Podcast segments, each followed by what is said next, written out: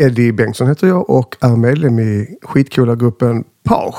Marina Shipchenko heter jag och jag är också medlem i gruppen Page. Välkomna hit Pars. Tack. Tack. Ni träffades som tonåringar. Jag var 15 och Eddie var 18. Och, Vi bodde eh, i Limhamn. Vi bodde i Lima, vi bodde i samma stadsdel och jag tror jag hade hört talas om Eddie men eh, vad som hände det var att jag hade sett, eh, alltså, utifrån mitt perspektiv då, jag hade sett Carrie Newmans Cars på något, det var något tv-program som visade musikvideos och var helt frälst. Innan hade jag liksom lyssnat på syrrans plattor, Pink Floyd och sånt där. Så när jag ser Eddie utanför Folkets hus, det var festen kväll, när han kom på blonderat hår, sån här new wave-glasögon, en orange eh, telearbetar eh, overall på skates. var jag så här, honom måste jag prata med. Så Ja, var, Grejen var det att jag är för gammal för att komma in för det var ett högstadiedisco. Så att jag hängde utanför och bara så, ja, ja. allmänt så cool ut. Och det grejen med den eh, eh, Televerket eh, jag ville ju ha liksom en sån som Divo hade. du hade Men, skrivit eh, Divo på. Ja, det hade jag gjort. Jättefint med tuschpenna. Grejen det, tittar man noga så ser det jättefult ut. Men i, för långt avstånd så ser det snyggt ut med, med, med, med Divo. Då. Så sådana här glasögon som jag också hade sett att de hade på eh, skivomslaget. Och så då skateboard och så hängde det. Och så träffade jag dig. Ja. Mm. Och jag tror just att jag, vi liksom drogs till varandra för vi var inne på samma, Mm. samma stil. Men ni blev ett par också? Ja. Ja. Du, du, ni blev jättekära? Ja. Mm. Hur länge var ni ihop sen? Ett år och tre månader. Wow, har du koll på det? Okej, jag, skulle, jag skulle precis dra till med tre år och sånt där, men det var alltså Det är inte... ju faktiskt, ett år och tre månader är ju faktiskt en evighet. I den åldern, är Ja, 15. ja, det är sant. Det är sant. Men sen har vi hållit kontakten hela Ja, och det är väl det som är det coola med oss, att, vi, eh, att det blev liksom ingen sån schism, och sånt, utan vi skildes som vänner liksom, och så har vi bibehållit den vänskapen. Och ni träffades alltså 1980, det är 43 år sedan. Ah, det är faktiskt jättesvårt att förstå, men ja, korrekt. Mm. Fanns Pars då, när ni träffades den kvällen? Nej, nej, par fanns inte. Du hade ju spelat lite med eh, Niklas där. Kom ihåg att Ja. ni, hade experimenterade mest med bandnamn, inte så mycket med musiken. Nej, klistermärken Just också. klistermärken och badges. Klistermärken var bra på att sätta upp. Men och vi- sen så spelade jag ju trummor. I, i, så jag hade ju trumset hemma i lägenheten. Inte så populärt bland grannarna ska jag väl säga. Eh, Men så var jag med i några så lite punkorkestrar. Men sen så kom jag in lite grann på det här elektroniska. Började höra mer och mer av den musiken. Och bestämde mig för att jag vill också göra låtar. Och låtar kan man inte göra på trummor liksom. Utan man måste ha något annat instrument. Man kan bara kompa andras låtar på trummor. Så jag sålde trumset. Jag frågade först till min pappa om jag fick lov att köpa ett par elektroniska trummor. Och då var han liksom så, elektro... Nej, han- tänkte det kommer låta ännu värre liksom. Så att, eh, nej, det fick jag inte då. Så att det blev att jag eh, sålde trummorna och köpte två stycken syntar. Och varav du fick låna en en. Liksom. Precis, för jag hade spelat klassiskt piano så att Mm. Eddie tyckte det var jättebra att jag kunde hjälpa till att ta ut slingor. Det var helt och- otroligt. Eh, Marina kunde ju liksom skalor och harmonilära och lite grann. Och jag, var, jag chansade ju fram Ja. liksom, när jag stod där. Hade ingen aning om att det fanns någon form av upplägg. Att vissa, System. nej, att, system. Att vissa, så jag prövade med... Nej, di- ja, men de två tonerna funkar ju bra ihop. Så örat fanns där, men jag, hade ju ingen aning om hur det funkade. Liksom. Kom du från ett hem där klassisk musikalitet stod Ja, så att högt, högt i det... rang? Så dina föräldrar ville att du skulle, man, man skulle kunna spela piano? Ja, precis. Så Eddie och jag kom ju från väldigt olika hem kan man Mm. ju säga. Så i- hemma hos mig så skulle man spela klassiskt piano, lyssna mycket på klassisk musik och allt det där. Och hemma hos dig så var det inte någon Nej, musik jag kom lite från arbetar och knegarfamilj. Ja. Limhamn där var ju liksom uppdelat. Liksom, så, vi sa själv så, rikeman och arbetarkids. Liksom. Och vi kom från de två olika lägren. Mm. Ja. Och det var inte jättepopulärt, kommer jag ihåg, hos dina föräldrar. Nej, mina föräldrar tyckte inte det var så bra att jag umgicks med Eddie. Vad tyckte du om Eddie? Och de tyckte om Eddie att, eh, att jag skulle hitta någon bättre. Mm. Det var så på den tiden, förstår ni. Men det struntade ju jag i, givetvis. Eddie också. Och till slut så tyckte mina föräldrar väldigt mycket bra om Eddie. Men det tog Mm. ju många år. Men vi, vi, alltså, vi gjorde bara vår grej. Vi höll inte på med att få föräldrarnas godkännande eller med, på någonting. Det var, hallå, det var 80-tal. Jag Men det tycker var att lite man mycket- flög under radarn så mycket som möjligt och Men det var lite grej. mycket uppror där också från Jo, dig. det var ju det. Alltså, Ja, det var det. rebell. Hur såg du ut om Eddie hade orange Divo-overall? Ja, på den tiden såg jag nog bara 80-talsaktig ut med collegetröja och jeans. Ja, men sen började ju den stora omvandlingen och vi skrattade faktiskt igår, Ed och jag, när vi Mm. träffades. För det finns en bild när jag står med väldigt rufsigt hår och då gjorde den här klassiska Eddie klippte mig, klippte Mm. av allt mitt hår. För vi ville ha så här spretigt ju, men det fattade ju inte jag på den Kort tiden. där bak och lång lugg har jag sett i tidningarna. Var det som var och coola. jag fattade ju inte att man behövde ha hårgelé och spray och sånt. Så att jag kom hem, mamma var inte glad, jag såg jag helt galen ut. Så, men eh, så jag, jag bytte stil till att bli mer new romantic i och med det här då. Mm. Vi ville ju vara det lite grann. Eh, Jag kommer ihåg när jag klippte det, att när, under processen så stod jag, oh shit, eh, nu, och jag, nu måste jag försöka fixa detta. Nej, men, och så slutade jag, jag får sluta för då hade jag snart inget hår kvar. Men det blev, alltså på bilden så ser det ändå helt okej ut. Lite Så så att du franskt. rufsade till ja, innan så allting franskt och lite lugg kollapsar liksom, igen. sådär, ja. Så att, eh, mm. Men det var väldigt vågat av- utav oss att göra den grejen.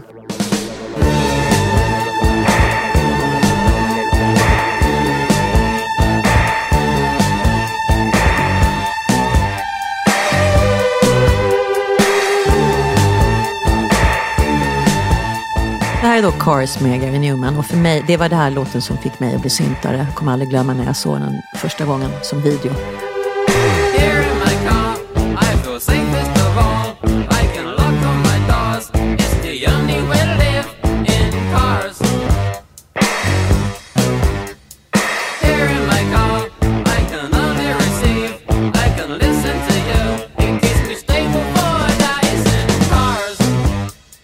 Här är väl live-trummor? Ja, de hade en trummis.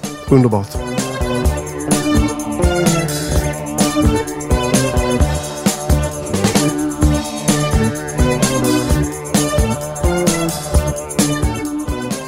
Gary Numan verkar ha betytt väldigt mycket för er, för ni skickade listor på vilka låtar ni ville ha. Då hade ni båda två valt Cars. Och uh, sen sa att ni får välja något mer. Då la du till ytterligare en Gary Numan-låt som vi ska höra senare. Ja, fast då, då, då, då är det faktiskt att eh, eh, det var Gary Newman som råkade komma in och sjunga på den här bandet Dramatis låt. Liksom. Men den har lanserats som en Gary Newman-låt, fast det är ju egentligen inte det. Även med han som sjunger, Lyssna på den också med en gång tycker jag. tycker jag.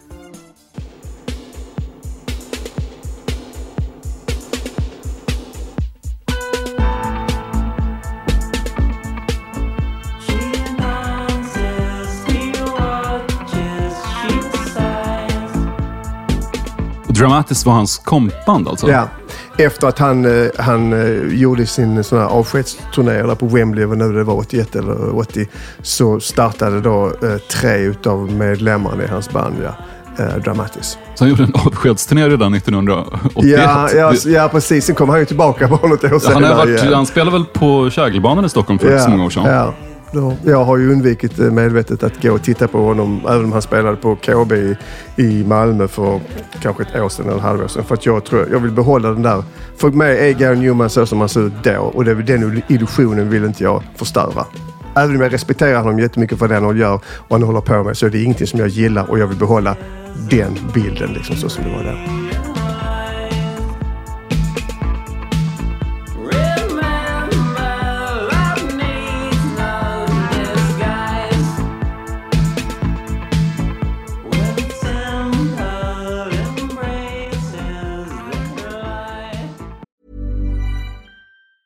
There's never been a faster or easier way to start your weight loss journey than with PlushCare. PlushCare accepts most insurance plans and gives you online access to board-certified physicians who can prescribe FDA-approved weight loss medications like Wigovi and Zepbound for those who qualify. Take charge of your health and speak with a board-certified physician about a weight loss plan that's right for you. Get started today at plushcare.com slash weight loss. That's plushcare.com slash weight loss. plushcare.com slash weight loss. A lot can happen in the next three years. Like a chatbot may be your new best friend. But what won't change? Needing health insurance. United Healthcare Tri Term Medical Plans are available for these changing times. Underwritten by Golden Rule Insurance Company, they offer budget friendly, flexible coverage for people who are in between jobs or missed open enrollment. The plans last nearly three years in some states, with access to a nationwide network of doctors and hospitals. So, for whatever tomorrow brings, United Healthcare Tri Term Medical Plans may be for you. Learn more at uh1.com. Quality sleep is essential. That's why the Sleep Number Smart Bed is designed for your ever evolving sleep needs. Need a bed that's firmer or softer on either side? Helps you sleep at a comfortable temperature? Sleep Number smart beds let you individualize your comfort so you sleep better together. JD Power ranks Sleep Number number 1 in customer satisfaction with mattresses purchased in-store. And now, save 50% on the Sleep Number limited edition smart bed for a limited time. For JD Power 2023 award information, visit jdpower.com/awards. Only at a Sleep Number store or sleepnumber.com. Hur valde ni bandnamnet Page? Är det frisyren? För det är inte en Jimmy Page-referens i alla fall. Dra den historien det är Ja, hemma hos dig. vi, vi höll ju på då med bandnamn och eh, det var hit och dit hela Men så, så satt vi, vi, var, vi blev frustrerade helt enkelt. Vi, vi kom inte på något bra bandnamn. Så vi satt hemma hos mig, eller ja, hos mina föräldrar. Och, och då så var det en transistorradio som stod som hette PAGE. Och jag bara, men, äh, men vi heter PAF då. Ja, och så, så, Så var det faktiskt. Ja, varför inte? Ja, varför det var bra inte? att du inte läste så page eller sånt där, utan det var liksom page. Jag tror att det skulle senare vara till koppling till de pagerna som sprang omkring på slotten och passade upp riddare Och så lät sådant, det liksom. lite New Romantic. Ja. Nu, ska, nu ska vi säga, vi var ju inte New Romantic så, men vi lyssnade ju mer på Silicon Teens. Liksom. Men, men vi var inspirerade, alltså det fanns ju inte så mycket olika stilar på den tiden. Så att det var page, det lät eh, internationellt och bra. Mm. Jag tror till och med vi började som med Arthurs page. Just det, först hette det Mm. Arthurs page och sen så blev det bara page. Så var det, det stämmer. För de som inte har hört Silicon Teens så var det alltså Daniel Miller, Mute-bossens soloprojekt, vilket ingen visste. För de, Nej. han, de utgav sig för Han att vara ett riktigt band. han ljög. Han ljög och Ja. han, han lät till och med folk... Spela de här tonåringarna. tonåringarna. Ja. Två killar, två tjejer. Hur reagerade ni när ni fick reda på att det inte var Jag blev, ett riktigt alltså, jag band? blev helt jag blev devastated. Liksom. Jätteknäpp. Jag att kommer ihåg den dagen du låg på din säng Mm. Ja, i ditt pojkrum och var helt apatisk och helt knäckt. Och jag skrev till och med ett brev till Danny Miller liksom då och, och frågade vad är det för instrument de använder kan man få deras autografer och sånt där. Och så kommer då liksom något år senare, liksom, nej, det var bara han som har gjort alltihopa så jag blev helt knäckt. För för mig var Silicon Teens det ultimata bandet med, med två killar, två tjejer, tonåringar. Och i min fantasi så var de så, tjejerna var jättesöta och killarna såg jättecoola ut. Liksom, så att så fanns inte det. Och jag tror att det var jättetur också att inte jag såg den här videon som de gjorde, för de gjorde i Memphis, Tennessee med, med Frank Tovey, uh, Fat Gadget, eh, där han spelar en av killarna. Och hade jag sett den videon då så hade jag bara, nej, för det var inte alls så som jag trodde att Silicon Teens Det, det var nästan ut. som att Human League modellerade sig lite efter Li- ja, Silicon Teens. Mm, när de hade med två tjejer också. Ja. Ja. Men vad som slår mig när vi pratar om det här, det är ju det här, på den tiden, man kunde ju inte få reda på saker och ting. Och Postgången var jättelångsam och man hade inte råd att åka till London och köpa skivor. Alltid. Så att all, det var ju väldigt mycket som man, man fick för sig saker, man visste inte riktigt. Det var ju skitsvårt att ta reda på info om banden och alla de man såg upp till. Så att, och det, det, det bidrog, tror jag, till att det var så spännande tid.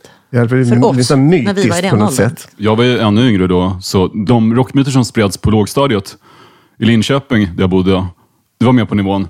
Vet du varför Gene Simmons tunga är så lång?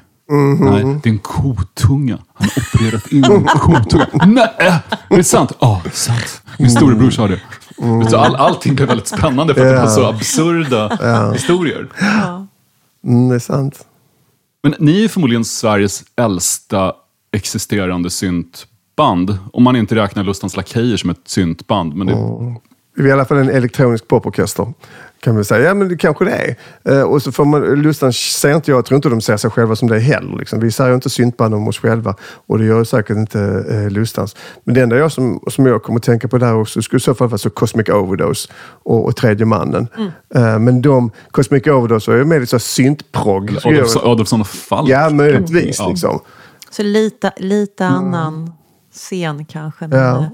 Men men det- i den här nya vågen som kom. Liksom, så är Och vi- Samtidigt är ni två egentligen mer kända för andra projekt. Mm. Du Eddie skrev låtarna i Spock, som först var ganska obskyra och sen Mm. blev på ett märkligt vis en angelägenhet för nästan alla som gick på rockfestivaler under hela 90-talet. Mm. Jag träffar folk som inte har någon relation till Energy Records eller till Page, men som har sett Spock. Alla har sett Spock live Mm. och det var så fantastiskt.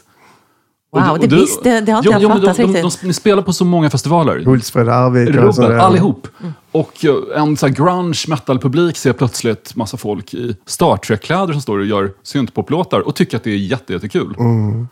Så jag, var, jag, var, jag blev intervjuad till en, det blev ju ni också tror jag, en dokumentärfilm om Spock som kommer Japp, snart. japp. Um, där det blev väldigt tydligt att hur, uh, hur stort genomslag Spock, Spock var ju fick väldigt sen. mycket ett liveband. Mycket så fest och dans och hoppa och studsa. Mm. Liksom. Jag tror att det tilltalar nog rätt mycket. Plus att låtarna är bra. Liksom. Och du Marina har ju gjort då förstås Vakuum och BBO. Mm. Ni var med i Melodifestivalen 2005, 2006, 2008. Mm. Och alla, de här projekten har liksom varit mer uppmärksammade än Page egentligen. Mm. Och ändå så är det Pars som har varit moderskeppet, eller vad vi ska Ja. kalla det för, som man alltid har kommit tillbaka till och liksom varit väldigt påverkad av alla, eller de åren som, det heter ju fint, de formativa åren. Det är precis som att Pars har uppfostrat den på något sätt. Och så det har funnits i det dolda, liksom. både Ja. på gott och ont kanske. Jag vet Ja. inte. Men där, just därför är det ju så, jag blir alltid lika, jag ska inte säga förvånad, men skitglad när det kommer folk till våra spelningar. Jag säger, vad känner ni till oss? Vad bra. Ja, eller någon annan som musiker och sammanhang nämner det. Men Paf, ja men gud, det vet jag vad det är. Så blir man helt så, oj, vad roligt liksom. ja. Det är inget man tar för givet. Nej, Men ni, första skivan var Dansande man 1983. ja, antingen 83 eller 82 ja. Mm. De trycktes i bara 300 ex. Ja, just det. Mm. Och i samband med det, eller strax därefter, så fick Page vara med i ett tv-program som heter Öre Sound. Mm. Och det här var ju då på den tiden, om man var med i tv så kunde det bli början till en hel karriär egentligen. Ja, Men precis. Hur, hur var det att medverka i tv då? Var det en, så att ni blev igenkända på stan efteråt? Och... Nej, det tycker inte jag. Nej, men jag lite tror att det har betytt mycket för oss vad många då såg. I och med att det var ju bara så få musikprogram som sändes i tv. Så att var det någon som såg folket och folket såg oss. Liksom. Så det var ju där den gnistan tändes. Liksom. Ett Ja, det var det kanske. Liksom. Ja, och så vi spelade ju Dansande man. Så att, Ja, och vi var ju det, sjukt nervösa kommer jag ihåg. ja, det var live på riktigt. Ja, det var ju det. Vi hade liksom våra syntar och så trummaskiner. Men så kommer jag ihåg att de, eh, han, programledaren eller vad det var det var, sa att ni har bara och så många minuter på er. Och, ehm, så vi speedar ju av, alltså vi ökar ju tempot. Det på, kort som bara den Vi ökar spela. ju tempot på trummaskinen istället. Så, så egentligen så var den inte så snabb som den sen har blivit. Men där var vi tvungna att göra det. Det var rätt kul faktiskt. Vi lyssnar lite på Dansande man. Så de som mot förmodan inte har hört den också får lyssna på den här fantastiska synslingen.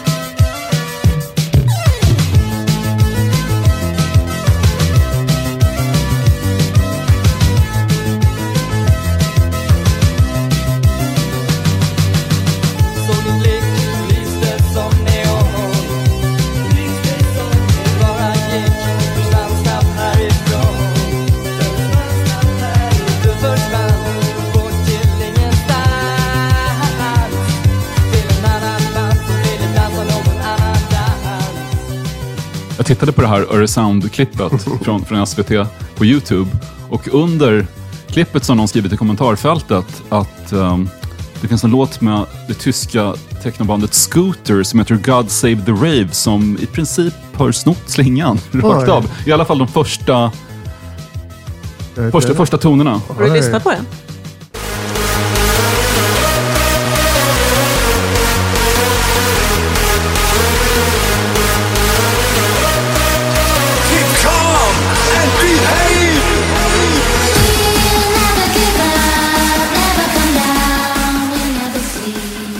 Men det måste ju vara en slump liksom.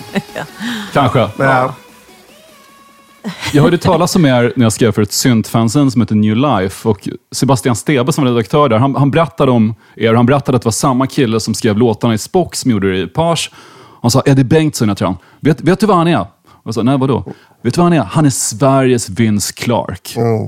Mm. Och Jag tyckte det var en ganska bra sammanfattning. För du, du har alltid varit oerhört bra på att hitta de här slingorna som sätter sig och som gör att man får lite gåshud. Tack. Det är, och, och Vince Clark var heller inte klassiskt skolad, utan jag, jag satt klipp där han sitter och placerar noter i ett musikprogram. Så att, okej, den kan sitta där, det ser bra ut. Hur låter det? Ja, precis. Nej, flytta ner den då lite grann. Ja, jag blir alltid väldigt glad när folk säger det. Eh, för det tar jag som en, eh, en stor komplimang.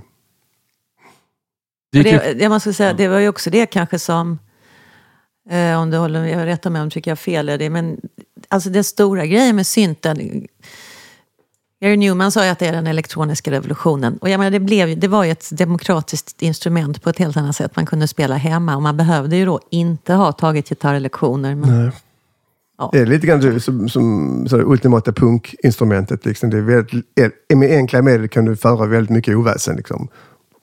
Alltså, Det jag uppskattade när jag var liten var också att det var så minimalistiskt. Att allt onödigt var bortrensat. Det var bara en snygg syntslinga, några trummor och sen en mänsklig röst. Och sen var det kanske inte så mycket mer. Ja.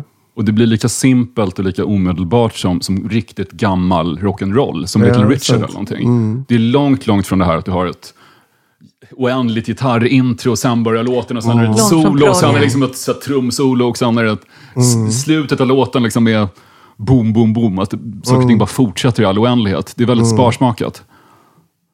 Det är sant. Jag tror, men det, det är så synd att det togs emot så illa. Och det är därför liksom ordet synt har blivit så synonymt med någonting som är dåligt och hemskt. Ehm, för att det, det gjorde, lite grann så att det gjorde uppror mot många sådana grejer som redan var satta. Och många musikjournalister de bara hatade. För att Ja, det det var liksom, ja, här kommer vem som helst och tror att de ska kunna göra någonting. liksom. väldigt eh, hetsk och nedlåtande stämning var det ju. Och jag tror att hela den termen där, syntmusik och synt, jag tror det var liksom journalisterna som kom på det. Vi, vi sa väl aldrig då, jag tror inte det andra elektroniska band som vi spelar en musikstil som heter synt, utan det var ju de som hittade på det för att det var syntetiskt och fult. Liksom. Sen så blev det bara en term som fler och fler började använda och nu är det liksom ja, Det, godkänt. men det är också en term. ter- term som nästan bara används i Sverige. Det är inte så många andra länder som Nej. har det uttrycket. Nej. Dock så blev jag glad när den fantastiska BBC-dokumentären om elektronisk pop hette Synth Britannia. Ja. Men det kan ha varit att de menar Synthesizers Britannia. Jo, det är sant. det är sant. Men, Faktiskt, ja. men jag minns, vi, vi hatade ordet synt när vi gjorde den här, det här fanzinet, New Life. Så Sebastian Stebe, då, chefredaktören, bestämde att hädanefter kallar vi det för techno. Oj. Så han tog bort ordet synt i alla texter i ett nummer, ersatte det med techno. Och sen gick det inte så bra för det. Nej, det var, Folk- det var inte Folk okej. slutade demonstrativt att läsa det. Ja, Ja, gud. Jag tycker lite att... eh, Det missvisande var ett då, annat fanzine liksom. från Göteborg som heter Release. De tog över. För att New Life in- kollapsade fullständigt när ordet synt blev förbjudet på sidorna. Det var inte okej att göra så. Jag tycker ordet så, om man säger så, det här, um, om man använder tronica som, som efterord så försöker bara byt- bryter man ut eh, prefixet så det kan bli poptronica, progtronica, loungetronica, punktronica. Jag tycker tronica är ganska bra ord. Eller tronica liksom. Så vi spelar någon form av poptronica, tycker jag. Det talades om att Stranded, skivbolaget där Lustans Lakejer och Ratata och eh, en mängd av Reeperbahn, massor av 80-talets mest framstående svenska artister låg där, att de var intresserade av Page. Kommer du ihåg det? Ja, det Var det- var det på gång? Ja, jag, jag, Nej, men ja, det precis. vet, fick vi ju aldrig reda på. Vi läste själva i Slager som hade någon, en sida som var lite som anslagstavla. Eh, och vad stod det där? Ja, då? ja, vi var liksom inte förberedda på det, så man läste bara, Ve- och så stod Vem det är. Page? Ja. Jan Gra... Eller... Det, men lite grann så, är det någon som känner till bandet Page som är med i radio eller, eller, eller tv, eh, be dem kontakta oss. Och vi skickade ju in en demo där, men sen hände ju ingenting. Så vi, Och- vi, vi, men det kändes där liksom, Stranded har kontaktat oss, nu händer Men det. var Stockholm var så långt bort Ja, och vi kunde ju knappt slå i en telefonkatalog, verkar det som, eftersom vi inte ringde dit, utan vi skickade något. Men jag tror ju allvar att om vi hade flyttat upp till Stockholm då så hade det nog kunnat hända mer. För allting Jo, var som du sa, väldigt Stockholmsfixerat. Det var det. Och, och förlåt, förlåt men liksom, och i Malmö så var det väldigt så progg och Wilmer Rex liksom, och Dan Hylander och Dan Tilla. Så kul, när jag pratade med dig första gången Eddie, så satt du och ondgjorde dig över rockscenen i Malmö. Framförallt hur mycket du hatade Chris Bailey. En, Ja, eh, var, var det The en aus- Saints. australisk Ja, artist tror jag. Från The Saints, ja. Ja, och han, han bodde i Malmö lite Ja. och alla dyrkade honom där. ja. Och jag fattar inte varför. du, du kunde liksom inte sluta snacka om honom. Och jag, jag har aldrig ens hört Chris Bailey, men många år senare, jag var på någon rockbar någon kom fram. Vad tycker du om Chris Bailey? Jag bara, "Ah, ren skit, så. Och så har du lyssnat på honom? Nej, men Jag har hört att det är jag har skit. hört, jag har hört att det inte är något vidare. Så varje gång jag läste hans, han dog väl för ett par år sedan? Va? Jag vet inte. Varje gång jag sett Chris Baileys namn så har jag tänkt på, på dig, Eddie. Ja. Och, uh, jag, även, jag, just det, jag pratade med Lennart Persson som drev musik och konst Ja, i ja. Malmö, skivaffären, som ju skrev för tidningen Pop där jag jobbade. Och han vi kom in på Chris Bailey och, jag sa det där är fan inte bra. Fortfarande inte hört honom. Och Lennart sa nej, nej, nej, överskattat. Ja, men det var, men i, och med att han var så mycket i Malmö så han blev världsberömd bara i Malmö. Liksom. Och jag tyckte The Saints var en bra grupp. Från, från Australien kom de som punkband. Gjorde vi en eller två bra punklåtar. Men Chris Bailey fattar jag aldrig. Bara retar mig liksom. Varför? Varför spelar han på KB? Varför spelar han inte Page där, typ? Men det var ju mycket av vår drivkraft där i början. Alltså var, vi var verkligen outsiders. Ja. Och, eh, men i början, innan det blev så här lite mer känt, så spelade ju vi med mycket av de här postpunkbanden och liksom blev ju hopgaddade med dem. Pojkar med goran i pannan och vad heter de? Mer eh, Odens helikoptrar. Ja, och, ABC 80 och Slowbodans undergång och sådana. Så det var ju liksom den, de spelningarna som vi var med på. För det fanns liksom ingen sån scen. Nej. Ni, ni hade ju Stadt Hamburg ändå. Ja. Eller det kanske var lite senare. Ja, Statambo Sen kom kom senare. Först hade vi Fredman, Klubb Fredmans. Så då har vi kanalen. Och där var det spelningar och det var vår debutspelning där också ju. För första gången. Men som sagt, det fanns ingen sån direkt scen. Det kom kanske i alla fall något ett och ett halvt år senare. Så vi hade liksom koll Vi gick runt och var liksom, kände oss missförstådda Ja, lite så. ett och ett halvt år då åtminstone. Vilket år flyttade du till Stockholm? 86. Så tidigt alltså? Ja. Du var 21? Ja. Och sen repade ni via telefon, minns jag att ni brukade prata Ja. om. Ja, men jag, jag, jag Ja, ringde väl upp dig dåtidens Facetime. Kassettband Ja. fanns Ja. det på den tiden mycket. Ja, Jag vet att jag ringde upp där och liksom satte telefonen. Jag har gjort denna här, vad tycker Mm. Ja, du? Och sen då, jo, jo. Och så så skickade jag upp ett kassettband så du kunde repa till uppe i. Stockholm. Så att, eh, ja, det var på den nivån. Jag kommer ihåg när jag träffade dig Marina första gången. Då skulle jag skriva om Page i en poptidning som heter Sound Effects. Och eh, vi möttes på ditt galleri. Det här var 94. Ni höll på med albumet som sen blev uh, Hallå, vart tog månbasen vägen? Mm. Men eh, du, du var ju gallerist och jag skulle... Jag, minns, jag, jag föreslog att men ska ni ta en utställning med HR Giger? Och du höll på att skratta ihjäl dig. Och jag, jag fattade inte att HR Giger, att hans airbrushade biomekaniska konst kanske inte hade så hög status i dina lite mer konceptuella konstkretsar. Idag skulle jag kunna tänka mig att göra det. Precis, idag är det punkat. Men, men jag, jag, jag minns, ni höll på med den skivan då, som skulle ha hetat Månbas Malmö. På en början. Fortfarande en av de bästa oanvända svenska skivtitlarna Varför överhuvudtaget. bytte vi den titeln? Jag vet inte. Vi- Jo, jag menar, du tyckte det var för mycket rymd, för pa- Ja. för Spock höll på samtidigt. Samtidigt, Ah, ja. Och det, det borde ha varit en Spock-skiva. Ja, Men Månbas Malmö är fortfarande en otroligt bra titel. Jag håller med dig. tack. Det hade jag glömt. Du har ju också kanske norra Europas största Månbas Alfa-samling. Ja, du, Den har jag tv-serien, ja. vad heter den på engelska? Space 1999. Och vad var det för tv-serie? Oh, det var, den kom liksom efter Star Trek och precis innan Star Wars. Och det var liksom en engelsk tv-serie med, gjord av eh, Gary Anderson, han som har gjort Thunderbirds, de här dock eh, science fiction-serierna. Och så var det här hans andra sån live-serie, det vill säga att de hade skådespelare. Och när jag såg det så blev jag totalt frälst. Liksom.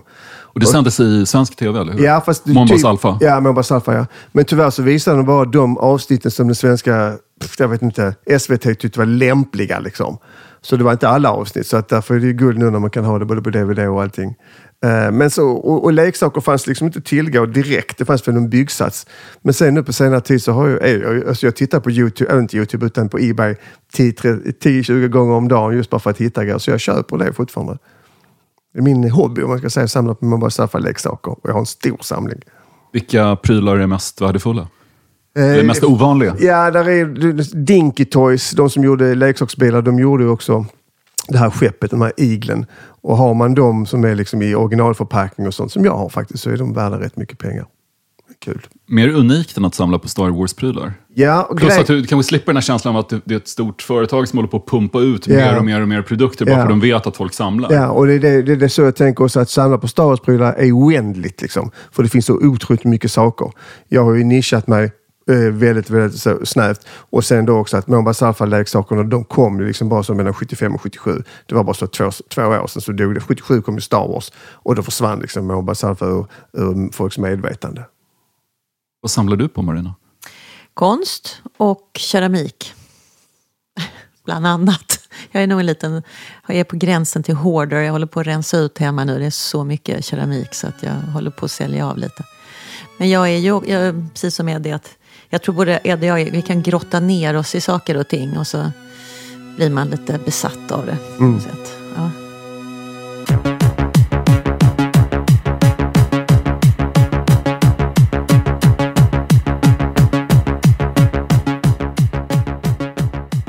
Jag har valt Ricky's Hand med Fat Gadget för att jag tyckte, det är lite det du var inne på Fredrik, det här minimalistiska och att ljudet kommer från en elektrisk borr. Eh, jag tyckte bara det var så ultracoolt. Och så kommer jag ihåg att jag var med Eddie på ett skejtarläger och så spelade du den när du åkte i ramp och då tyckte jag också att ja, men det här är ju perfekt skatermusik. In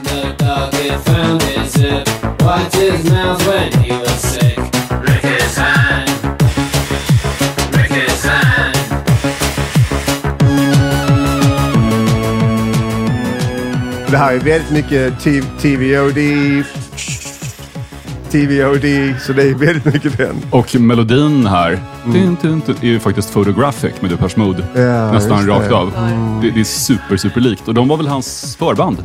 Ja, De började med det. Ja. Så, såg ni sen Fad Gadget som förband till Depeche Mode 2001? Nej. men så dog han med det direkt. Ja, han, han dog Ja. bara ett par månader Samma. efter, men det, det Ja. var riktigt, riktigt bra. Det var, det Göteborg var, va? Ja, han kom väl tillbaka till det här, någon syntfestival Virtual- i Göteborg. Så det, var, det var typ sista konserten han gjorde. Men i, när kan det ha varit? September 2001 så spelade han i, i Globen. Och det var ju som att se eh, en elektronisk Iggy Pop eller någonting. Och han var väl i, fem- han var i 40-50-årsåldern. Låg där i sina skinnbyxor över kravallstaketet. Halvt sönderslagen och blodig. Eh, det, var, det var jätte, jättebra. Det hade varit fantastiskt Var det mycket folk då?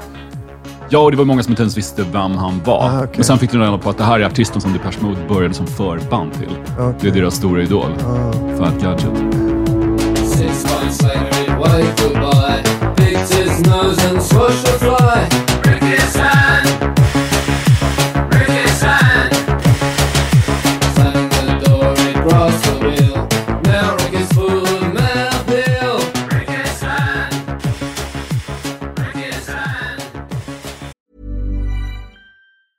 There's never been a faster or easier way to start your weight loss journey than with PlushCare. PlushCare accepts most insurance plans and gives you online access to board-certified physicians who can prescribe FDA-approved weight loss medications like Wigovi and Zepbound for those who qualify. Take charge of your health and speak with a board-certified physician about a weight loss plan that's right for you. Get started today at plushcare.com slash weight loss. That's plushcare.com slash weight loss. plushcare.com slash weight loss. Quality sleep is essential. That's why the Sleep Number Smart Bed is designed for your ever evolving sleep needs. Need a bed that's firmer or softer on either side? Helps you sleep at a comfortable temperature? Sleep Number Smart Beds let you individualize your comfort so you sleep better together. JD Power ranks Sleep Number number 1 in customer satisfaction with mattresses purchased in-store. And now, save 50% on the Sleep Number limited edition Smart Bed for a limited time. For JD Power 2023 award information, visit jdpower.com/awards. Only at a Sleep Number store or sleepnumber.com. Everyone knows therapy is great for solving problems, but getting therapy has its own problems too, like finding the right therapist, fitting into their schedule, and of course, the cost. Well, BetterHelp can solve those problems. It's totally online and built around your schedule. It's surprisingly affordable too. Connect with a credentialed therapist by phone, video, or online chat, all from the comfort of your home. Visit betterhelp.com to learn more and save 10% on your first month. That's BetterHelp, H E L P. Du nämnde skejtande här Marina. Jag, jag blev så paff när jag insåg att två av mina favoritsyntband har starka kopplingar till skateboarding. Det är ni och det är Nitzreb. Ah, Där alla medlemmarna, eller i alla fall Douglas och Bon, var hängivna skatare i tonåren. Visste du det? Det finns bilder när de har förmått kommunen i Chelmsford att bygga en ramp. Och de så poserar med sina skateboards. Ja, och, coolt. och de, jag har sett bilder av när de åker i ramper så sent som så tidigt 00-tal. Nu är de nog för gamla. Å, åker du längre? Försöker göra det en gång i veckan. Nu har du paus under sommaren. Liksom. Jättebra motion. Hellre det än spela padel. Liksom. Men du, Och eh, jag ska bara säga att eh, när, när eh, Eddie och jag träffades då åkte du ju rullskridskor. Ja, tävla i det. Och då säger man ju då rullskridskor, inte rollerblades, utan rullskridskor med fyra hjul på. Och då tävlade du, var ju Mm. Sve- SM etta, tror jag. Är det sant? Och jag tror att det, jag, jag, det var liksom just för att det, det var så många som åkte skateboard så det var svårt att hålla sig i topp där. Men det var lite färre som gjorde, åkte rullskridskor så jag började med det och blev ganska bra på det. Och sen så blev det liksom för svåra trick och det slutade jag. Men jag använder fortfarande skateboard som en motion liksom, och även så transportmedel ibland. Så finns det alltid med på när jag åker på semester. Så packar jag in den också i bilen. För att det är ett bra sätt att ta sig från punkt A till punkt B. Min dotter var helt inne på rullskridskor ett tag. Alltså klassiska rullskridskor, inte rollerblades. Nej. Och jag beställde från något amerikanskt företag ett par så här rosa glittriga rullskridskor. Så ville de gå på rullskridskodisco, men det finns ju inte. Det är så synd att vi inte har den kulturen i Sverige riktigt. I USA fanns- finns det ju fortfarande. Hur, liksom hur många som helst. Ja. Det är jättepoppis där. Och jag kommer i Malmö fanns det ju ett tag på 80-talet. Vi Som åkte dit. rullskridskohall. Mm, det var väldigt roligt. Men hör, Konstigt. hörde elektronisk musik och skateboarding på något vis ihop? Jag har försökt lansera det som det. Liksom. Ja. Du hade ju alltid någon, eh, någon form av skateboardkoppling till de första eh, plattorna. Och jag kommer ihåg på den, eh, den med raketen. Det heter väl nu bara Page va? Nej, det är ju Ja, den... det, det är som månbasen så är det ju eh, en kille som åker skateboard på framsidan. Ja, men det är den våra EP där med Ja. olika färger. Nej, jag menar den eh, plattan där vi, vi står som små gubbar så är det raket. Ja, den, het, den heter ju bara så Page. Och där, ja, och där är det ju en liten sån vagn. Och i den vagnen så är det en liten sån skateboard. Så att, och jag kommer ihåg på, på vi, vi gjorde promobilder på, på, till nu, den plattan. Och då har jag ett skateboardmagasin också liggandes. Mm. Så att vi, jag försöker alltid peta in lite sådana grejer i, i det. Inte nu längre dock, men ett tag Men jag, så, jag såg er live någon gång och då stod det på ett klistermärke på några av syntarna, support your local skateboarder. Ja, det står på min synt. Men du åker inte skateboard? Nej. Och jag hade ju en skateboardaffär ett tag. Faktiskt. En skateboardaffär till Ja, i. Malmö som jag drev eh, i två år tror jag. Sen så gick den konkurs. Men du börjar inte lyssna på massa punk och sånt genom alltså, den mig- subkulturen? nej, alltså, för För mig- det, finns, det är en stark, stark koppling där mellan Ja, skateboarding jag och... vet. Men de som så skatepunk och sånt där, liksom, så här, det hade jag inget övers för direkt så. Uh, Millencolin och allt och så. Men eh, för mig så var skatemusik, det var liksom så Divo. Och de, de banden som kom där, men jag är mest Divo. Divo är min Mm. skatemusik liksom. Men för att då när vi började spela, vi lyssnade ju inte bara på liksom, elektroniskt. Det var ju väldigt mycket new wave som Ja. var parallellt i vår värld. Den är, för- det är för mig skatemusik också. Mm. Jag vet att jag har åkt bräda på scen och allt sånt också faktiskt. Tagit med mig skateboard. Ja. Du åkte skateboard på scen? Ja, ja. Och ja, ibland så är det Hur då, gjorde du entré på en skateboard eller gjorde du lite... Nej, jag har nu haft den liggande så bara tagit in och åkt över scenen. Du Och jag såg, eh, det ligger på YouTube från vår turné Bara sex, tror jag den turnén hette. Då hade du ju, alltså då var det ju Ja, jag, jag, har ju all, skatemode, har, liksom. jag, jag hade ju alltid de såna kläder på mig. Liksom. Skatekläder och shorts och så vidare. Så det var liksom inte syntigt på det sättet. Utan jag var mer så skatare när vi var ute och spelade. Och även på scen faktiskt. Liksom. På tal om um, rullande fordon. Ni, ni hade en singel som heter Bilmusik från ert första riktiga album som blev lite av en hit. En gullig naivistisk låt om att åka på bilsemester. All, billåtar brukar ju handla om att trampa gasen i botten och bränna gummi och istället sjunger ni Vi håller en anpassad fart, tänker på djuren utanför. Ja, det är fint. Det är väldigt mycket page. Ja, det är vår protest mot den all, allmänna föreställningsvärlden. Liksom. Samtidigt som ni höll på att omkomma i en bilolycka en gång. Ja, fy. Usch ja. Ja, pratade inte vi om det igår? Jo, Ja. det gjorde vi. Och, eh, När var det? 84 någon gång? eh, jag tror jag var 18, lite senare än Ja, jag 84. tror inte Dansande man hade jo, kommit det kan ut. nog stämma. Det var nog 84. Ja, och Dansande man hade inte gjorts då. Så det här, var, det här, det här är innan Dansande man, Ja. Anders Eliasson var med. Ja, nej, vi hade spelat i Linköping och sen var ung och oförståndig så att eh, vi hade kört hela dagen dit och sen så spelade vi och det var en Jättesent. väldigt röjig spelning och någon hade hällt öl på W.A.S.P-synten och alla var sura. Så de killarna som körde åt oss sa, men vi kör hem i natt igen. Vi tog det valet, så ska vi sova, eller ska, och det var så, ska vi sova hos någon som vi känner eller ska vi bara åka hem? Ja, men vi tar, tar bilen Och hem. då var det liksom att regnet öste ner och eh, vi åkte i en sån här liten minibuss och chauffören somnade helt enkelt. Nej men det var en väldigt allvarlig bilolycka. Vad hände då när han somnade? Vi voltade över ett eh, viltstaket och vi hade vänner som körde en bil bakom som såg hela olyckan. Ja, och, och du, eh, jag pratade med, med, med en av killarna som, vi hade två bilar, vi satt ju i lastbilen, eller i, i Minibussen det. ja. Och sen så kom våra kompisar bakom i, i en, i en eh, vanlig personbil. Och jag pratade med honom i förrgår. Vem? Ja, Dan. Ja. Mm. Och han sa det, han sa att de satt ju där bak och alla var jättetrötta. Och så såg de hur plötsligt våran bil, bara, våran buss började gå över mittfilen och de bara följer den med ögonen. Och så går de ner i, det är kring Ljungbytrakten och det är väldigt mycket sådana viltstängsel. Och bilen Det var alltså liksom- långt ner i Småland då? Ja. Det var inte långt... Nej, vi hade var- kört lång ja, väg. Precis, vi, jag tror vi spelade Jönköping eller Linköping. Ja, Linköping. Och så då hur den bilen går ner i det här diket som ligger sidan av motorvägen och använder andra sidan som en ramp över det här viltstaketet och vänder sig så snett i, han berättade det för mig förrgår, vänder sig så i luften och sen bara kraschar mot ett, mot ett eh, träd. Alltså det var och det började sån- brinna. Och Ja, en av våra vänner var ju väldigt nära döden. Jag var väldigt skadad. Jag höll Ja, på att bli helt på, förlamad. på, Ja. i kinden. Och jag Ja, kommer nej, ihåg att ja. vi, vi klarade oss ju... Alltså misstaget där som vi gjorde, det var att ingen pratade med chauffören. Utan alla bara sov. Alla så somnade, ja. Det hände som det Inklusive hände. Ja. Och så var det många som klarade sig för att vi låg, vi låg liksom ner i bilen. Mm, och hade Vi inte säkerhetsbälten på. Nej. Eh, och jag kommer ihåg att jag låg, eh, jag låg i ditt uh, knä. Ni var så mjuka för ni sov. Ja. Ja, och vi, vi gled ut genom fönster Ja. som slog sönder istället för att sitta kvar. fönstret. Ja, gud, jag visste av oss gjorde det. Och vi kom ihåg bilbatteriet hittade de. Just när så här, syn, en av syntcaserna hade gått ifrån bagageluckan rakt igenom bilen och ut genom framrutan. Så det hittar man den synten liksom typ så 50 meter längre. Så att Jag hade våra huvuden varit där, bara eh, smack. Jag hade kommer ihåg att jag låg ner i, i, så, i ditt knä och så började allting skaka.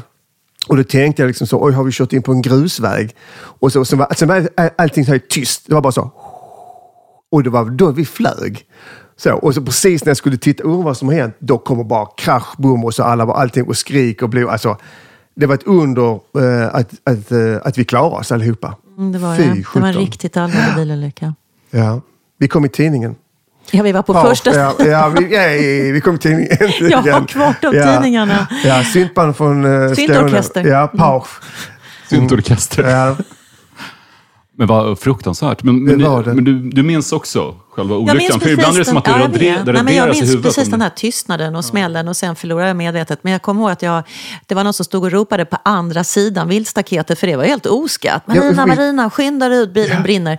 Och så kommer jag ihåg att jag bara står och regnet öser ner och jag har inga skor och så står jag och spottar ut tänder för hela min ena sida, kind var helt mosad. Och det var det som var så konstigt, för när vi gick ur bilen och stod där och det rök och så, så så förstod vi liksom inte, alltså hur har vi, hur har vi kommit Vi in? För sida staketet var ju staketet, fortfarande intakt, men Ja. vi hade flugit Ja, över det. ja. Sen hade vi ju en sån himla himla tur, för det här var ju liksom innan mobiltelefoner, men det, var ju på morgonen, kanske så tre, fyra på morgonen.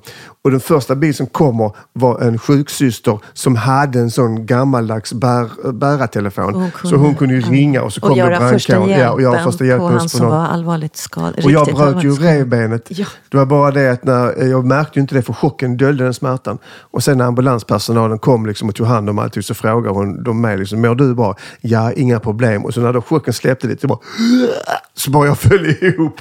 För jag hade knäckt revbenen här liksom. Är det den spelningen i Linköping som ni åkte från då som finns på YouTube? Nej, den är, nej, den är, nej, inte den. Det var tidigare. Det var Ja. Linköping festival. Ja, kraschen är tidigare än, nej, kraschen är tidigare än, den som Jag finns blev på så YouTube. knäckt sen när jag fick reda på att ni hade spelat jättemycket i Linköping. Jag är uppväxt där, men när ni var där så... Var var jag, du? Jag satt hemma och spelade Drakar och Demoner. Jag hade ingen aning om något. Oj. Så, Ja, det var hemskt. Och du, kan bara säga, du, du, du plockar ut glasbitar i flera Ja, år ja. efteråt ur kinden. Ja, liksom. ja. Faktiskt, det, blodomloppet trycker, en bilruta pulveriseras ju. Så jag hade glas i hela eh, ansiktet som kom ut. Efter. Och du kunde ju stå så, vad fan är en finne? Ja, så bara, bara, oj, kom så ut kom det en ut en glasbit. glasbit, Liksom. Ja, det var otäckt. Ja, det, det var rätt Ganska så brutal upplevelse. ganska synt då, det här med Ja. så här, Ja, jo. warm leatherette. Ja. Ja, the steering wheel. Always dancing down the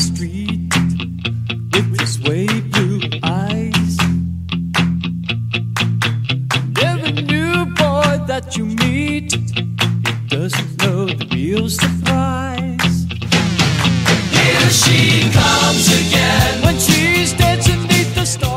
Den här låten är just där, new för mig, new wave eh, parallellspåret som vi levde i, Eddie och jag. Och eh, det var som sagt var, vi, vi levde inte och andades bara synt som man då sa på den tiden. Utan väldigt mycket new wave. Så det här är en lysande exempel på vår ungdomstid.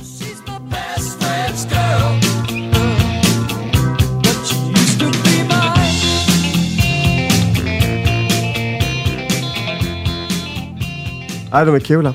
Eh, och de har ju lite, de hade ju en keyboardist så det var väldigt mycket lite så här små syntljud i Cars musik. Och det var också det som var wow, det tilltalande liksom.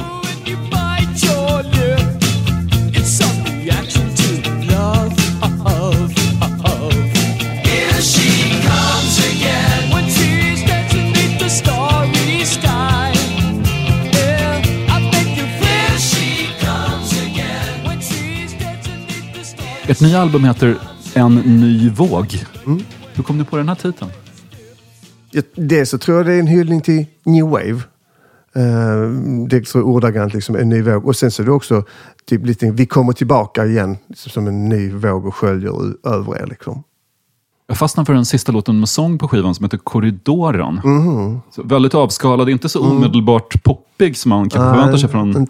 Page. Och texten är också så här syntigt karg. Du sjunger i korridoren är det kallt, står där, glömmer allt. Ja, ja, alltså, min, mitt favoritband är ju förutom Gary Newman så är det ju Ultravox med utropstecken, det vill säga de första med John Fox. Eh, och de, jag får ju väldigt mycket inspiration därifrån, eller rättare sagt jag får en känsla. Eh, och när jag då går in med den här känslan så, så gör jag en låt så blir det ju aldrig som det jag lyssnar på, men det, det känslan bevaras. Och jag har ju försökt hur många gånger som helst att göra så My Sex som Ultravox har gjort. Och det här är väl liksom typ att jag har lyssnat på My Sex och försöker gå in och göra något liknande, så blir det någonting annorlunda. Och, och samtidigt, den låten också, den kom till som ett hastverk för att jag hade precis köpt en ny mikrofon. Och så testade jag den och så, hallå, oj, oj vad det här låter bra. Och så började jag, alltså det var så fruktansvärt tydligt jämfört med de skräpmickarna som jag tydligen har använt för men som ändå har funkat. Men, eh, och när jag då fick den här känslan så jag måste göra någonting som är jätteintimt. Och sen så, så blev det den här stämningsfulla låten. Liksom. Och intressant att du nämner Ultravox. Jag, jag kommer tänka på The Shards, Bret Easton Ellis senaste roman som kom här tidigare i, i vintras. Uh, alltså han American Psycho-författaren. Han har skrivit en bok om sina tonår när han gick på en exklusiv high school i Los Angeles i början av 80-talet. Och så dyker upp en serie mördare. I alla fall, han, boken handlar mycket om hur han utvecklade sin litterära stil som är väldigt kall och avskalad och apatisk, bedövad på något vis. Och han skriver i boken om hur han tittar på MTV som är helt nytt. Han, han kollar på, jag tror att det är Kim Wildes Kids in America-video. Och så skriver han något om hennes eh, hennes glamorösa bedövning. Att det, det, det är känslokallt och just därför är det så mycket känslor i det. Och att det är det han vill uppnå med sitt skrivande. Och sen drar han paralleller till all musik han lyssnar på då. Att det fanns massor av band, som Ultravox. Ja, och det är väl egentligen det som är grejen med syntmusik. Att det, ja, det är lite känslokallt. Och Just därför så, när man sk- skruvar ner den emotionella temperaturen så, så stiger den också. För att det blir en kontrast på något vis. Men, ehm, Ja, det håller jag helt med om. Ja, och jag, ty- jag vill ju komma tillbaka till det här med, när liksom, med tv-apparater och övervakning och liksom kakel som var väldigt så populärt där i början på 80-talet. Man skrev om det och, eh, och det är det liksom jag försöker göra med den låten också. Så att i, mitt, I mitt sinne och mitt medvetande så skriver jag texter som egentligen skulle kunna vara förank- förankrade i den tiden än vad det är nu. För nu finns det liksom inga telefoner eller tv-apparater eller radioapparater. Men jag skriver ju ändå om det. Så att jag lever väldigt mycket Ja. kvar i det ändå. Liksom, på Och, och också att på den tiden så det var det var okej att vara gravallvarlig. Ja. Och, och det var rätt så skönt. Att man behövde inte hålla på att tramsa så mycket utan man kunde bara vara svår. Och att det var okej. Jag såg en intervju med dig på Youtube-kanalen Moderskeppet, Hemma hos-reportage, där du nämner att magin med syntar har försvunnit lite. Att de är så vanliga. Och att, Ja. Alltså det, bara det skulle man haft helt, kunna ha ett helt program om, Fredrik. Eh, men jag, så här kortfattat. Ja, för att det var magiskt där i början. Eh, för att det var ett instrument som inte så många kände till och man kände knappt till det själv. Man hade hört kanske något ljud på, i någon låt. Eh, och så och så när, så, så när man då köpte de här så var man liksom originell och speciell på något sätt. Eh, och när, man, när någon frågade, jag spelar instrument, ja vadå? Så sa man, jag syntes. Nej, vad är det för någonting? Och jag kommer ihåg när man var på konserter själv, att man alltid trängde sig längst fram för att kolla vad har de för utrustning. Alltså man var intresserad utav det. Och man kände sig, som jag sa, originell och speciell och annorlunda.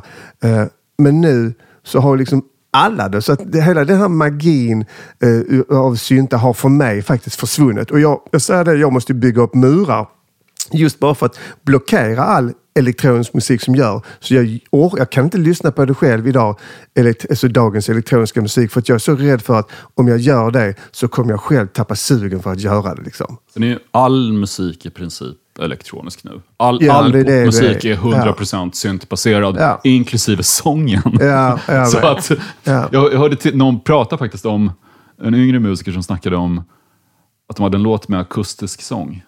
Det betyder att det inte var autotune på den. Är inte det intressant? Jo, och sorgligt. Ja. Men eh, nej, det är synd att den magin har försvunnit. vi vi eh, konstaterade igår också, du och jag, det att det, jag menar, vi, det är ju inte vi unika, men vår tid kanske var unik. Det här att få, vi känner ju, det var ju någonting som var helt nytt, Ja. synten. Ja, och Och, det fan- och jag- att den då, som jag brukar säga, demokratiserades. Man kunde gå och köpa en synt. Man behöver inte ha ett rum Det var i och med... väldigt dyrt, var det inte det? Nej, faktiskt inte. Jag tog min första Profit One på avbetalning och det var helt okej. liksom.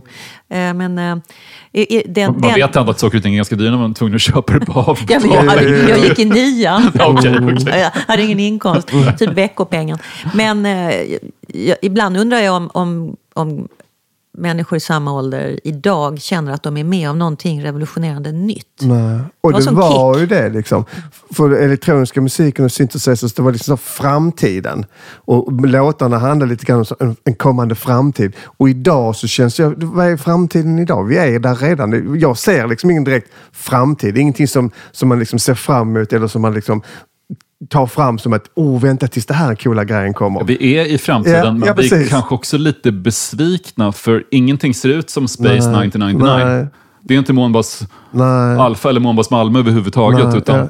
teknologin är där, men vi omges ju inte av den. Det är mer som att, eller det, det tänker jag ibland på vad gäller sociala medier, att det är som att det, det är en del av hjärnan som är där hela tiden. Att det är det som är virtual reality. Att en liten del av mig så här, he- he- hela tiden säger, okej, har det hänt något på Instagram? Jag vet inte om, om det- eller det är väl snarare bara ett beroende. Men eh, Ja, jo, det är väl ett beroende, så här, hjärnans belöningscentrum. Men det är ju det de förutspådde också. ju. Vi har inte behövt operera in ett chip. Vi är beroende och uppkopplade ändå. och storebror behöver inte montera kameror för alla lägger ut allt på sociala medier. frivilligt. Ja, exakt. Nej, men framtiden blev inte så cool som man hoppades. Den blev så hemsk som man fruktade. Och det är inte så, det är inte så roligt att tänka i de banorna faktiskt. Och det som då anses vara synt är ju ändå ett sound som är lite retro.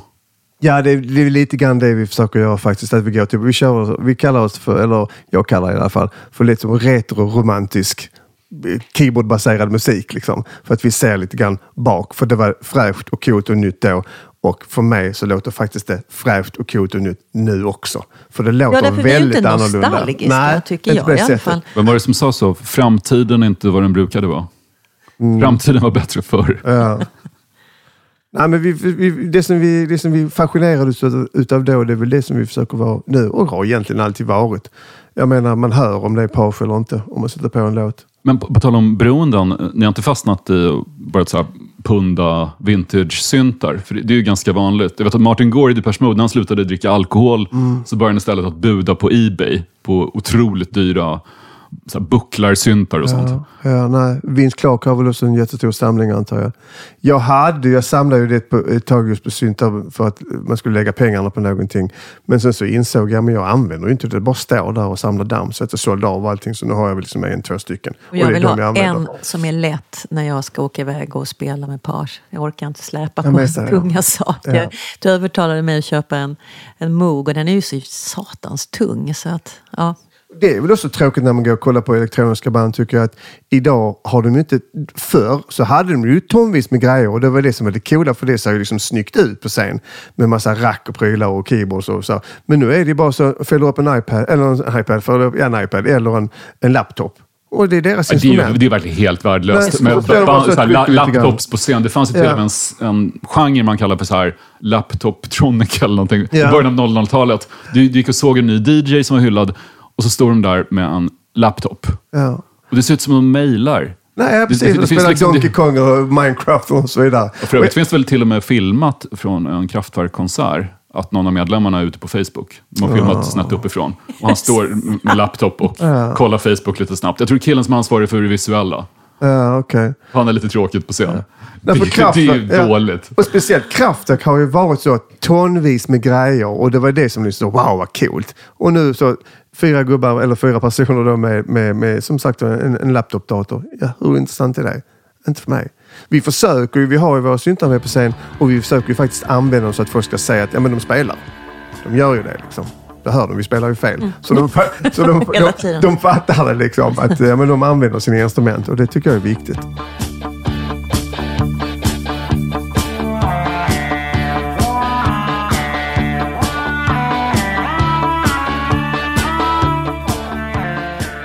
Okej, The Man Who Dies Every Day eh, med Ultravox är ju en totalt magisk låt. Jag hörde den för första gången på eh, Radio Luxemburg, spelade in den på kassettband och den har, jag vet inte, den har hängt med mig sedan dess. Den är helt underbar. Someone stood beside me for a moment in the rain. A silhouette, a cigarette, and a gesture of disdain. I felt the dark door open, saw a sudden ghost come through. A spark left from my fingertip, and I knew it must be you. Ain't you the man who dies every day? It's you the man who dies. Vad som, är så, jävla- vad som är så fruktansvärt magiskt med den här låten det är att det är bara en ton genom hela låten. Mm, och där bygger de låten på. Och det här är från albumet Ha Ha Ha som du även har på din t-shirt Eddie. Ja. Snygg t-shirt. Tack. We never saw you walking, we never saw you leave. You left the ashes of the laugh on everybody's sleeve. You always play that funny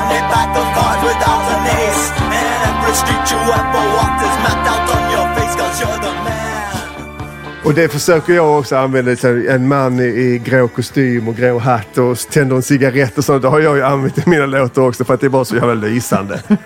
och det är ju ingen annan som skulle kunna sk- skriva om det nu. Liksom för mig är det liksom den här romantiken. Det svartvita, eh, Vienna och alltså hela den estetiken. Liksom det som tilltalar mig så mycket. Och, neon, neonrör och sånt där. Det är bara helt underbart.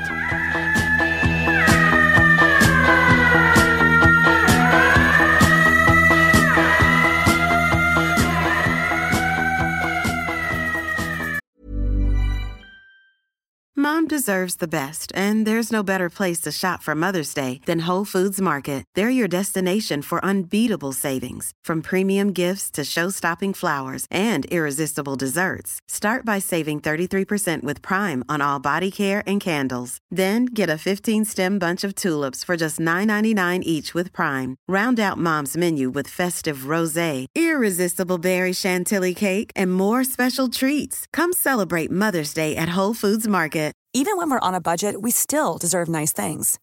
Quince is a place to scoop up stunning high-end goods for 50 to 80% less than similar brands. They have buttery soft cashmere sweaters starting at $50, luxurious Italian leather bags, and so much more. Plus, Quince only works with factories that use safe, ethical, and responsible manufacturing. Get the high-end goods you'll love without the high price tag with Quince. Go to quince.com slash style for free shipping and 365-day returns.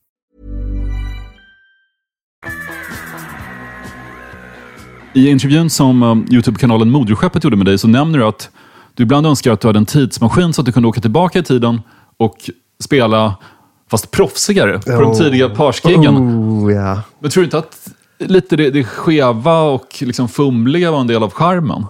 Ja, det var charmigt fast inte så bra. När man ser tillbaka. Ja, det hade jag velat. Tänk att få ha de, eh, de låtarna och så gå tillbaka och så spela i Pildammsparken i Malmö.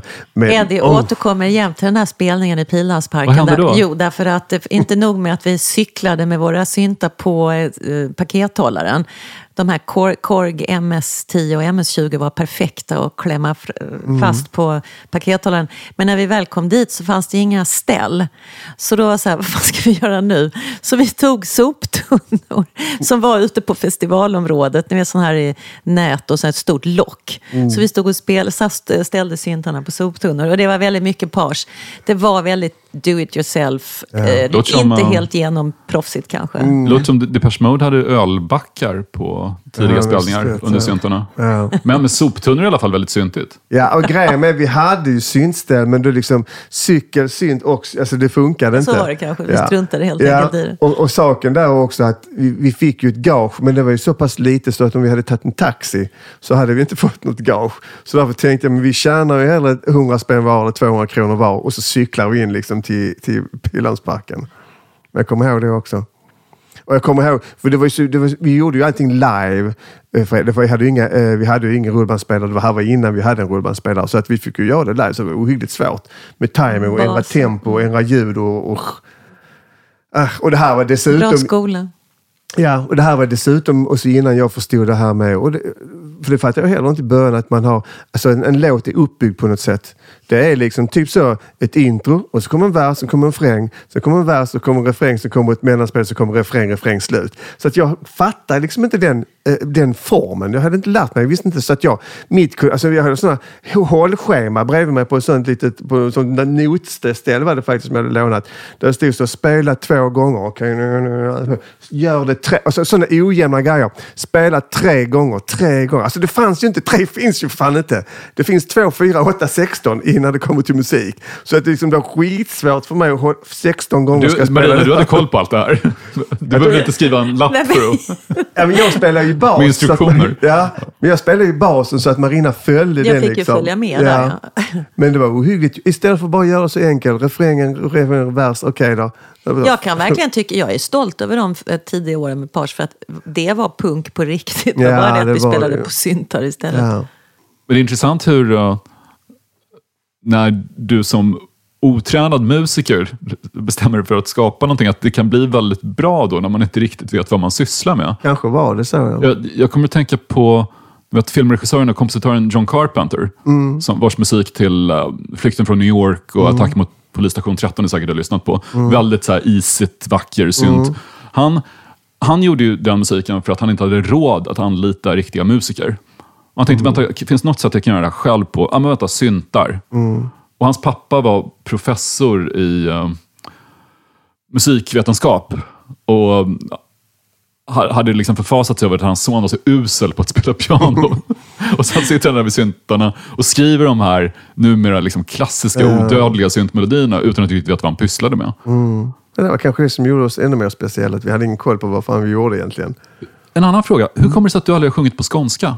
Ja, vet du vad? För att jag tycker skånska låter skit, sjukt dumt faktiskt. Det är bara, alltså, så, här, ni ska, så här, jag är ju jättepatriotisk, ännu mer när jag är i liksom, Stockholm som nu, för då överdriver jag min skånska. Det hör ni kanske nu när jag pratar här i mikrofonen. Men jag, jag gör det, men annars så tycker jag i offentliga sammanhang, speciellt så tv och radio, så, så tycker inte jag det låter snyggt med skånska. Um, det beror på hur man pratar i och för sig. Uh, och jag har ju prövat flera gånger att sjunga på skånska, men det låter liksom inte okej. Jag tycker bara det låter, nej, det låter dumt. Skulle du kunna ha ett sidoprojekt där du bara stryker e till page, lägger till en liten prick och så kan du påg. Ja, ja, precis. Nej, men jag har testat det. Eh, och det händer ibland att jag gör det live, liksom, men liksom, nej, det, det är inte, det är inte min, min grej. Och jag, jag brukar, när någon klagar på det eller påpekar det, så brukar jag säga så, ja men kolla på YouTube. Liksom. De, de sjunger ju inte med irländsk dialekt och Simple Minds, och Jim Carrey sjunger ju inte på skot, skotska och så vidare, utan de sjunger på en sån riksengelska. Och jag tycker att jag sjunger på någon form av rikssvenska. Vad gör ni nu under hösten? Kommer ni göra några spelningar? Vi har inte... Vi har faktiskt inte pratat om det. Nej. London spelar vi Ja, kanske i. det ska vi försöka göra. Och så brukar vi säga att vi ska spela Stockholm, Göteborg, Malmö. Mm, fast det of- ibland inte av. Men så, så här, alltså vi, vi, så här vi, vi, Marina tycker inte det är jättekul att spela live. Eh, eller, det, alltså det är ju ont om tid, det är väl det också. Det är mycket tid. Ja, vi har ju båda två som jobb sidan om så att det påverkar. Men så här har vi sagt, om det är något som dyker upp som, som verkar liksom speciellt och intressant, då gör vi det. Men inte så Det är att så vi vi kommer säger. aktivt gå ut och, och fråga, får vi spela här? Liksom. Det kommer vi inte göra.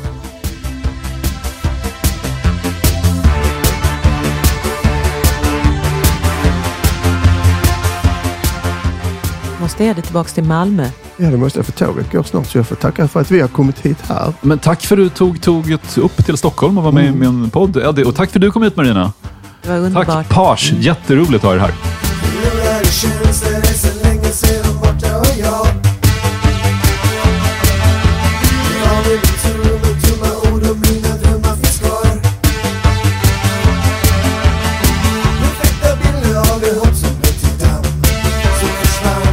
Den här podcasten producerades av Daniel Bäckström för Lejon Media. Page var hemma hos Drage. Det som jag hörde, det som jag såg, var det